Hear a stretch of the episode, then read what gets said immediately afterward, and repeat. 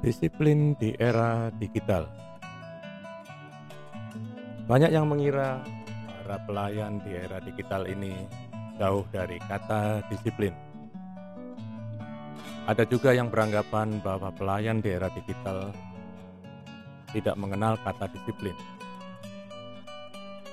Tetapi banyak yang tidak mengetahui bahwa para pelayan yang sukses di era digital adalah mereka yang punya disiplin tinggi.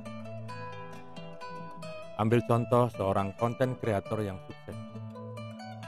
Mereka pasti mempunyai disiplin yang ketat untuk membuat karya. Tidak mungkin dia bekerja salah-salah. Contoh lain, seorang founder atau CEO dari perusahaan rintisan atau startup pasti mempunyai disiplin kerja yang tinggi. Disiplin diperlukan untuk sukses di era digital. Disiplin diri dalam melayani, disiplin memonitor pekerjaan, dan disiplin meningkatkan pengetahuan.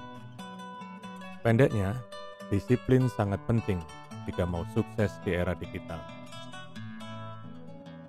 Disiplin diperlukan untuk sukses di era digital.